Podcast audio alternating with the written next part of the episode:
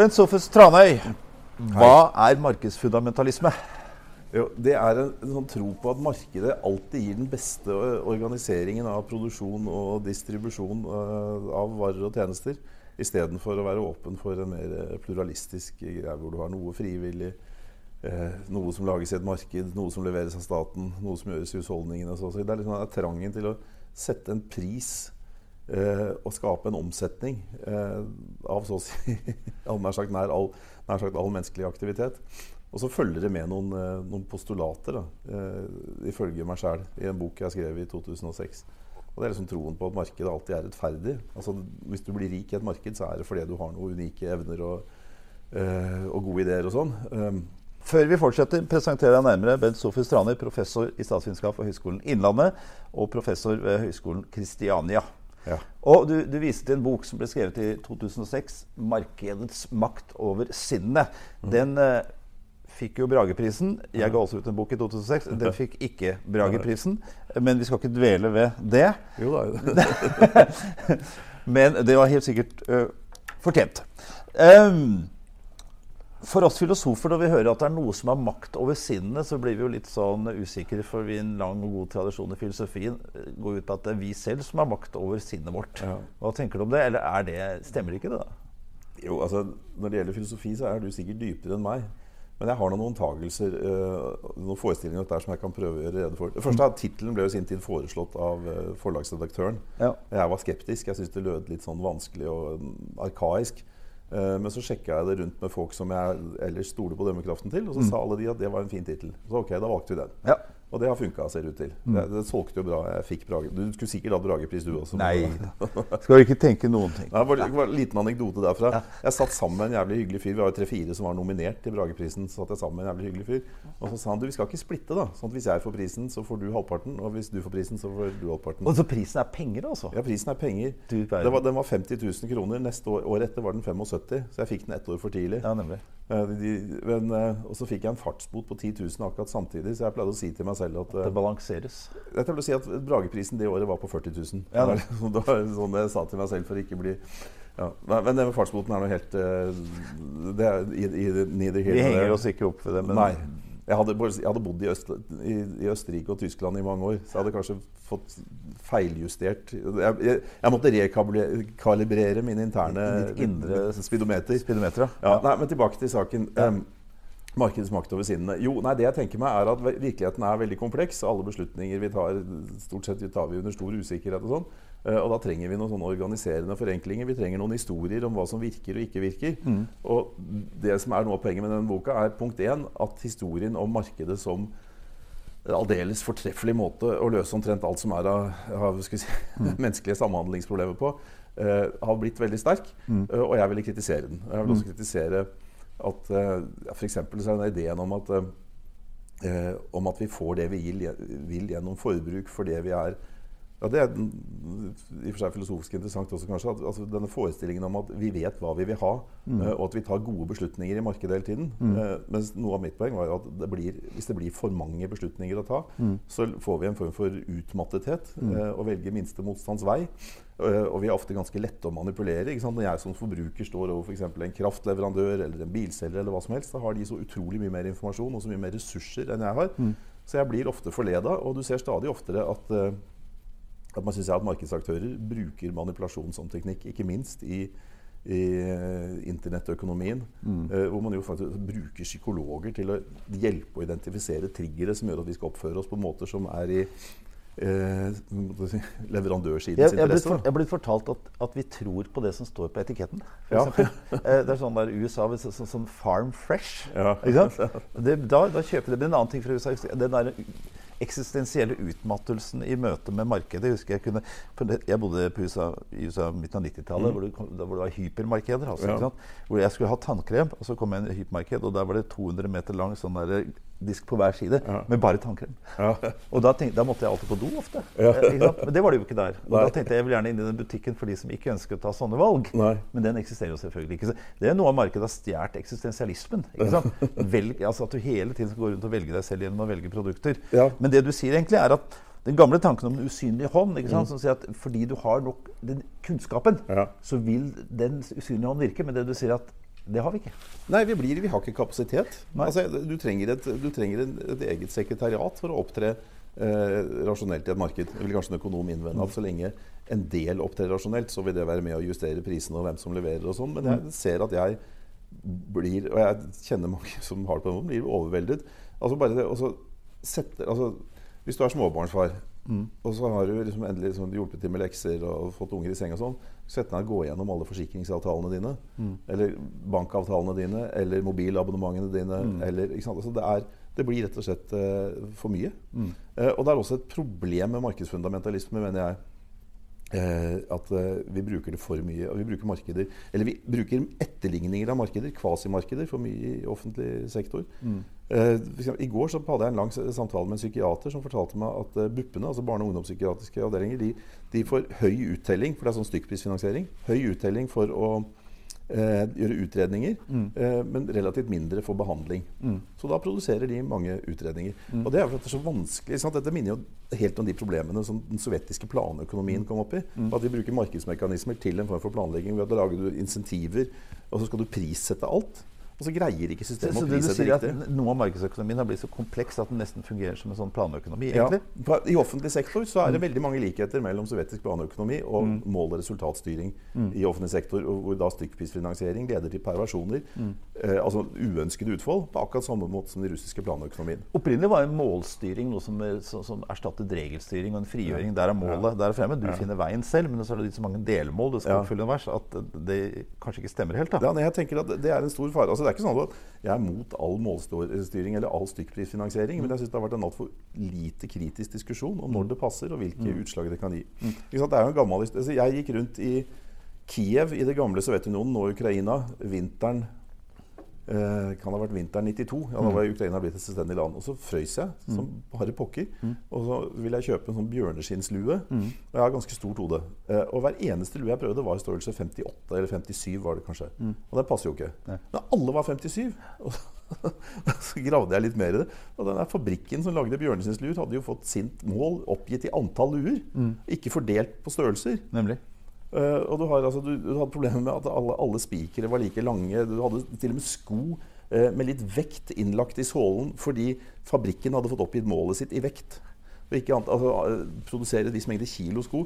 Og at lignende problemer kommer ikke så banale, kanskje, men så kommer innsatsstyrt finansiering oppi. Du, du lager et signal som skal koordinere mennesker. Og så blir det, blir det en form for strategisk tilpasning til det signalet. Eh, og så ender du da kanskje opp med da f.eks. et BUP som overproduserer utredninger og underproduserer behandling. Men, men, men her blir det jo liksom nesten sånn, sånn å si, slags, hva, hva slags metaforer bruker vi for å beskrive virkeligheten? Og vi har jo markedsmetaforer som, som, som er på de underligste stedene. Ja. ikke sant? Eh, har det erstatta andre måter vi har liksom snakket om virkeligheten på, som, som har blitt borte for oss på en eller annen måte? Altså, jeg tenker på at noe av det her er jo en sånn, sånn rasjonalitetstenkning. Mål-middel-tenkning. ikke sant? Altså, min tanke er at eh, jeg håper sånn, nå, det vi i gamle dager og nå er jeg nostalgisk, selvfølgelig. Gjorde for sin egen del, så gjør vi nå for å nå et mål. ikke sant? Ja. Så det, lære på, lære på sånne, sånne, sånne, kulturskoler og sånt sier til ungene at hvis du begynner å spille gitar, så blir du flinkere i matte. Ja. ja, ja det, er jo, det er en form for instrumentalisme, Ja, som er, eller boks- bokstavelig talt instrumentalisme. Eh, som er eh, som er jo, Akkurat i det tilfellet er det litt artig, hvis det er sant. Og du Og før i tida, så, så hvis du spilte gitar, så fikk du flere damer. ikke sant? Ja, det var en del men, Lennon men nå i sin tid. er det for å bli flinkere i matte. Ja. Ja, nei, det, det, er, det, det foregår helt klart en, eh, en form for forskyvning når instrumentalisme og markedsrasjonalitet griper om seg. Jeg synes kanskje det, det viktigste som, som, er, som er truet nå, eh, er jo det også tilliten til profesjonsutøveres velvilje overfor altså indre motivasjonen de har overfor den jobben de skal gjøre. Gleden over å gjøre en god jobb. Vi- Nå lager vi systemer som virker som de som forutsetter at den kan vi ikke stole på. Den, den finnes nesten ikke. Isteden må det, alt du gjør, må måles og veies. Så må det knyttes da til eh, belønning enten på institusjonsnivå eller på individnivå. Men det må måles og veies, og så skal det rapporteres til, Bake. til noen Ja. som også skal måles og veies. Ja, nei, det, som rapporterer til Hvordan er Jeg er ikke helt sikker på hvor, hvor ofte de som måler oss, blir målt og veid. Det Det er et interessant empirisk spørsmål, tenker Ja. jeg. Ja. Eh, sånn som en del av de folka som mottar rapportene som vi skriver som, Mm. som faglig ansatte ved en høyskole. Eh, jeg vet ikke, Det, det skulle jeg gjerne visst, om de også har noe produktivitetsmål. Mm. Men, men generelt så foregår det måling og veiing i en eneste lang jeg kaller det sånn paranoid kjede, hvor alle er redd for å bli kikket i kortene. Mm. Altså så, ok, jo, Vi måles og veies som eh, professorer ved Høgskolen i Innlandet. Eh, og så blir Høgskolen i Innlandet målt og veid av departement og, Mm. og, og, og direktorat. Men hvorfor dette her foregår, hvorfor det liksom aldri tar stopp og det bare baller Men hvem på seg måler de igjen? Er det noe sånn eh, Altså Det er jo en sånn derre eh, Jeg tror at det er kanskje enkelt sagt at det er VG. Ja, Eh, til slutt. Altså, ja, til slutt. fordi eller, altså- eller tanken på VG. Ja, ja, ja, nettopp. Tanken, vi skal ikke, ingen skal kunne komme her og si, spørre om å få lese våre dokumenter og si at vi ikke har produsert noe. Nemlig. Så vi må hele tiden dokumentere, og vi alle er redde. Eh, og jeg så det veldig tydelig når jeg satt i styret i Teknologirådet. Eh, og så satt vi og diskuterte hvordan eh, Ja, vi diskuterte Teknologirådets egne mål. Teknologirådet er en veldig flott institusjon hvor det tenkes veldig mange spennende tanker. Eh, men det gjøres på en såpass fri og uavhengig måte at det kan ende opp som et supperåd hvis du har de gærne folka. Eh, da kjenner jeg de folka som er det. Jeg satt jo som sagt i styret, og det er virkelig ikke et supperåd. Eh, men da skulle vi lage noen mål som vi skulle rapportere på. Og så var vi alle sammen enige om at disse målene egentlig var ganske irrelevante. Det traff ikke kjernen i aktiviteten vår. Men styreleder mente at vi måtte ha dem, fordi at hun følte at hun måtte kunne rapportere noe. Noen, altså hvis noen spurte. Eh, og det igjen kanskje da eller departementet eller Forskningsrådet må kunne svare. Departementet må kunne svare Uh, til uh, Riksrevisjonen, som må kunne si til Stortinget at vi har målt. Og så er da kanskje Stortinget i siste instans eller regjeringen redd for La oss, bruke VG som eh, symbol. Dette er, jo, dette er jo man har diskutert mye i filosofien, hvor mål-middeltenkningen blir et mål i seg selv. ikke sant? Ja. Så får du meningsløshetens dilemma. Du blir veldig Ja. effektiv, men du vet ikke helt sikkert hvorfor. Ikke sant? Men noe av det motsatte der som jeg, jeg sitter jo i noe som heter Lærerprofesjonens etiske råd, hvor vi diskuterer ikke sant, hva ligger i det profesjonelle, altså lærerens profesjonelle autonomi. ikke sant, Dette at du opplever at det at barn utvikler seg, er ikke et middel til noe, det er et mål i seg selv. og så videre. Er det en tanke som og, og vi kunne si det samme om leger opprinnelig, kanskje om ingeniører opprinnelig, ja, om hvem som helst opprinnelig. ikke? Ja. Den form for profesjonalitet, er det på vikende front pga. den eh, tenkningen her? Ja, det mener jeg absolutt. Ja. Altså, jeg ser at, uh, at det, Som sagt, det forutsettes at vi ikke uh, at vi ikke er velmenende. Det er en form for mistillitsbasert styring. Eh, og man forsøker hele tiden opplever altså, Det er stadig innskrenking av skjønn. Mm. Ja, nemlig. Ja, ta et eksempel. altså Jeg kjenner en, en flyger. Jeg husker ikke hvilken flyplass det, i Nord-Norge det var. Eh, men der er det EU-direktiver for et, et, altså Jeg husker ikke detaljene, men poenget er at det er noen EU-direktiver som tilsier at han under vanskelig vær skal velge en eller annen rute som han med sin erfaring fra flyet der sier er mer risikabel enn den han ville valgt hvis han fikk lov å ta sitt skjønn. Så da må han velge. Skal jeg bruke skjønnet og gjøre det Vi snakker fortsatt om ganske liten sannsynlighet for ulykker, tror jeg. Mm, Det, det er lenge siden sist du hørte om en Widerøe-ulykke. Men han sier at han må velge mellom å gjøre det han med sitt beste skjønn mener er best, og det som står i EU-direktivet. Og Grunnen til at EU-direktivet fungerer på den måten det gjør, er jo at det er for få småflyplasser i forblåste steder i Nord-Norge i datamaterialet når EU lager sine. Men bare det at, de føler, at vi føler at vi må ha et system hvor reglene kommer hele veien fra Brussel via Norge. Og så står det han da Og hvis han da velger en annen Altså velger den ruten han mener er best, så kan han bli tatt for det. Da har han brutt noen regler. Og det betyr jo at vi ikke har overlatt noe til hans skjønn. Ikke Det fordi, hvis vi går tilbake nesten her, tilbake til liksom, uh, Aristoteles uh, forståelse av Fronesis praktisk klokskap. ikke sant? Det er mennesket på sitt beste. Når mennesket selv liksom bare forstår det og vet hvordan det skal gjøres. Og, og det menneskesynet der, og at det har en autonomi, og, og det tilegner seg kunnskap og praktisk kunnskap, og anvender den osv. Er det, det, du skisserer, en slags pekende, en sånn økende mistenksomhet. Ja. Det, hvorfor det? Altså, Altså, vi har bare latt Jeg tenker at vi har latt Ok, nå, Hvis jeg får bruke litt eh, grove formuleringer. Ja. Vi har latt revisorene og de som har OCD blant oss, få få for mye makt. Det må, det, må, det må være sånn og sånn og sånn. Og sånn. Ja. Og det, er, det er jo for frykt. Altså, se, ta kvalitetssystemet på vår egen høyskole. Da. Det foreskriver jo i detalj. Altså, det foreligger maler for alt. Det sier hvor mange møter jeg skal ha, hva jeg skal snakke om i de møtene. Det er en mal som sier at jeg skal rapportere det. Hva med å tenke tanken at eh, Tranøy er en eh, snart 60 år gammel professor som har holdt på med dette her i 20 år. Kanskje han har lyst til å ha en form for styring av kvaliteten sin som at han også ønsker altså, tør, liksom, vi å, tør, vi å, slippe han løs? Ja, ja nei, gjør ikke det. Liksom, du, og det er jo, det er jo disse spørsmålet Tør vi også slippe befolkningen løs og proporsjonene løs? Fordi de, de, strammes jo inn og altså, kontrolleres. Altså, altså, det jeg opplever, er jo et sånt jeg opplever at det er så lite rom for mitt skjønn og så mm. lite tillit til meg at jeg mister motivasjon. Men er det liksom algoritmenes inntog samtidig? ikke sant? Altså Den algoritmiske tenkningen. Ja, det... Jeg husker Man sa om Forsvaret i gamle dager. altså Det sto på skokremboksen det at legg boksen i venstre hånd, legg høyre hånd opp på lokket og vri med, nei, mot, med solen. Ja.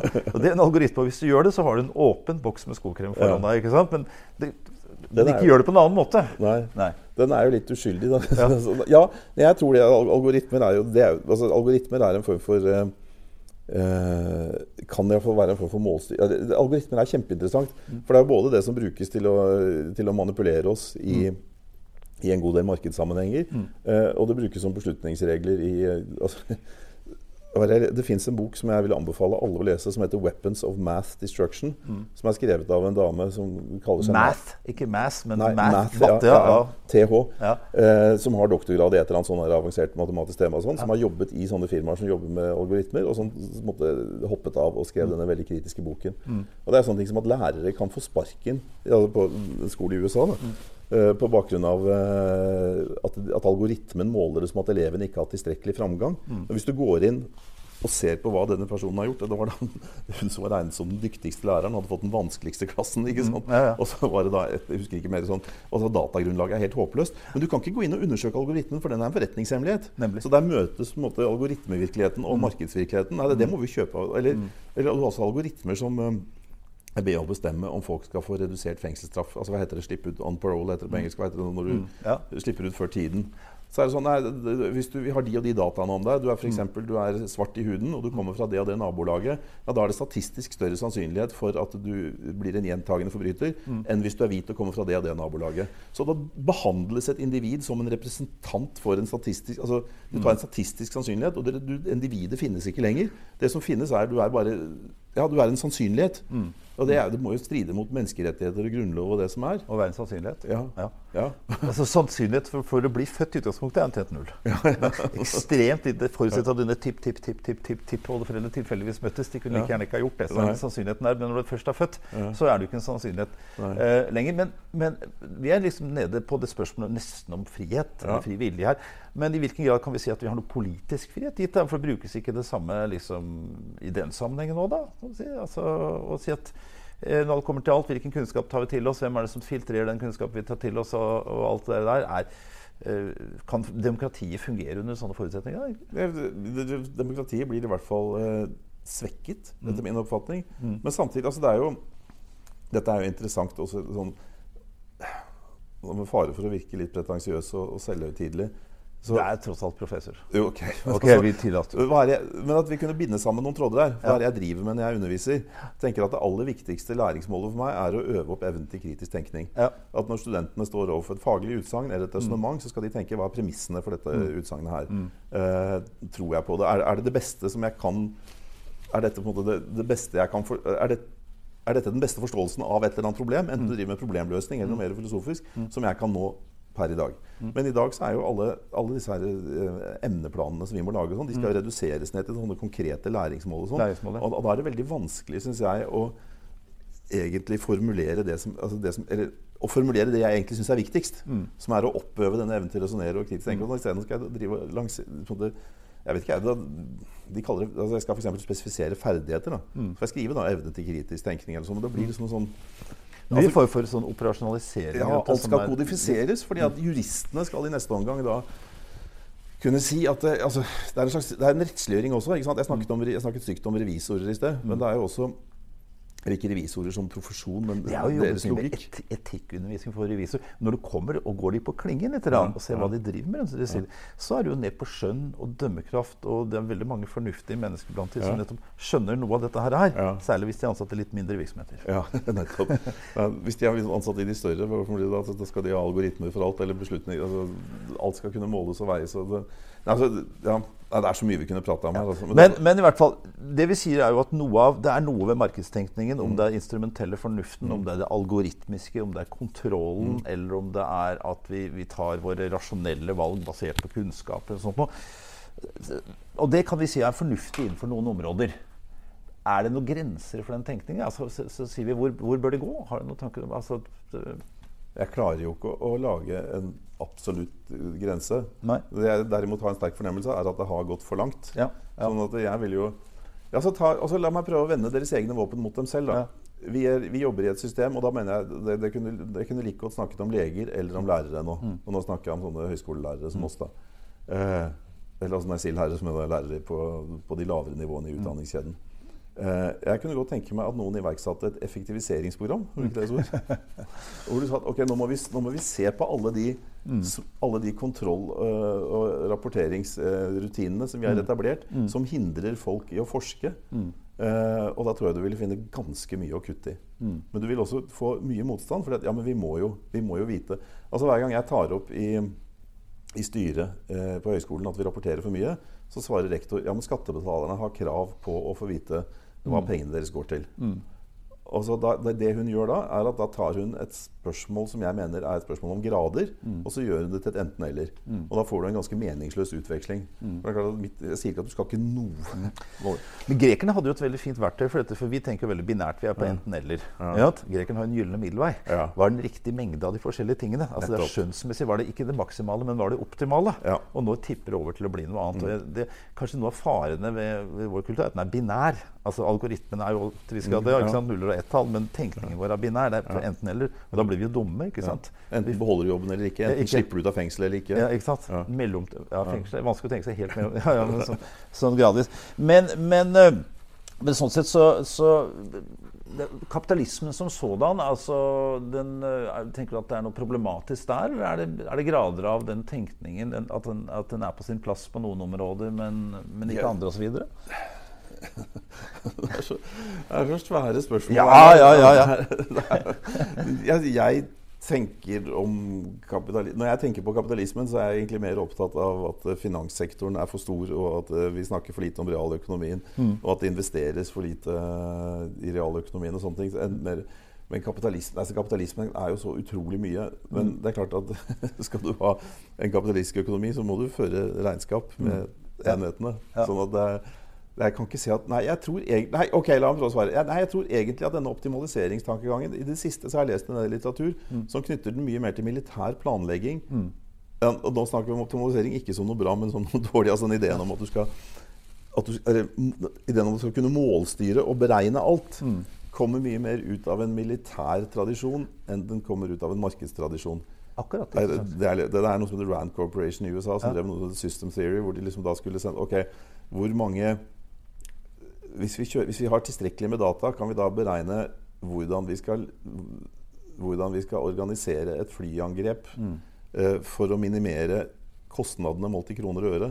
Men, skyld, ja. ja, og, men, men skyldes det, tror du, er at når kapitalismen når et visst nivå, så er den liksom monopolistisk i sitt vesen? Altså kapitalister de er, kapitalister de er like, like lite begeistra for konkurranse som politikere i posisjon liker demokratiet. for å si Ja, det sånn. ja. Altså, når du kommer opp på et visst nivå, kan du si, så, så ønsker du Du ønsker ikke den konkurransen, du ønsker å, Nei, nei. ta mer kontroll. ja, det ser du veldig tydelig. Altså, bare ser på big tech i USA, Ja. altså Google og, og Facebook og, og, og Amazon og sånn. De er jo mer eller mindre monopolister alle sammen. Der, Ja. der spiller de sammen med finans. For Ja. finanssektoren tilbyr enorme summer og Eller nå tjener de folka så mye penger at de trenger nesten ikke å låne penger, men de låner penger likevel av skattemessige grunner og sånn. Men det er jo sånn, altså, finanssektoren er jo villige tjenere eh, og pådrivere for å slå sammen selskaper. Hver deal legger jo igjen en masse penger i finanssektoren. Eh, og du bare ser den der oppkjøps... Altså, med en gang det kommer en eller annen altså, Det er nesten blitt et etos. Hvis du har en vellykket startup, så er jo ikke målet å drive det videre og sende det videre til ungene dine. Ja. Det er der, det er der Ja, du, du ønsker å bli en feit oppkjøpskandidat, Ja. og så tar du penga og investerer i eiendom eller skatteparadis eller noe sånt. Ja. Og så, så blir det ja, faktisk en del av monopolkapitalen. kan du si. Men eh, ok, så vi har vært igjennom hele den runden her, men hvordan havnet du tilbake til livet, døden og kjærligheten eh, da? Tranøy? Og ja, den boka med Frode Thun Ja. Det var privatlivet som kicket inn på to måter. Det ene er at altså, Frode Thun, som jeg skrev den boken sammen med, er jo en barndomsvenn og uh, min gjenlevende bestevenn. Jeg hadde to. Den ene er Sjur Kasa, jeg lever ikke lenger. Uh, så da var det Frode og jeg igjen. Uh, og vi har, Han er fra Bergen, uh, det er jeg også, men vi bodde i Oslo. Så vi pleide å møtes på Geilo, for det er rettferdig. Midt på. Og så satt vi og skrev parallellek. Vi satt og skrev i hver våre manus. Eh, og så gikk vi turer sammen. På den måten får du skrevet mer. Det er vel noe du også driver med. Du går på ski, og så skriver du videre og sånn. ikke sant? Eh, og så en dag så, for, så, sa han til meg at han skulle skrive en bok om bruk av eksperimenter i psykologi og sånn. Og så sa jeg, og jeg leser jo om, så mye om eksperimenter i mer sånn økonomisk relaterte fag. Kanskje vi skulle skrive den sammen? Og så bare sa han ja med en gang. veldig raust. Og så begynte vi å skrive, og så, og så, fikk han noen store problemer i sitt ekteskap. Han holdt på å bli skilt. De fant heldigvis sammen igjen. Uh, min kone Julie var veldig syk og, og døde etter hvert. Så alt ble forsinka og utsatt. Uh, og så begynte vi å skrive inn mer og mer vi måtte jo skrive til Norsk faglitterær forfatterforening og forklare hvorfor boka aldri ble ferdig. Og det brevet ble på en måte veldig langt. Men det er ikke alle som kan måte, argumentere med at den ene holder på å bli skilt, en berømt samlivsterapeut, og den andre er blitt enkemann. Så det var jo ordentlig trist og tunge, tungt stoff. Uh, og så foreslo vi at vi skulle begynne å innarbeide en del av våre egne erfaringer og lage en slags sånn narrativ som var sånn på personlig plan. Og så ble boka mer, egentlig er boka litt ujevn, for den begynner Da kan du se liksom at det er to karer som skal formidle forskning, og så blir det etter hvert mer og mer to karer som samtaler om livet. Og forskningen kommer bare inn som en illustrasjon. Da bare slår det meg at det er nettopp det vi sier til altså, fordi Dette er et eksempel på at livet i sin alminnelighet i sin helhet er vanskelig å målstyre. Ja, ja, ja altså, det, så, så, absolutt. Så det er noe målstyring som bommer på antropologien. Da. Ja, ja. Sofie Strandheim, veldig hyggelig. Det kunne ha blitt en enda lengre samtale. Veldig, veldig hyggelig å treffe deg på denne måten, Einar. Og takk for invitasjonen. I denne podkasten fra Høgskolen i Innlandet hørte du Bent Sofus Tranøy, professor i statsvitenskap, og filosofiprofessor Einar Øverenge.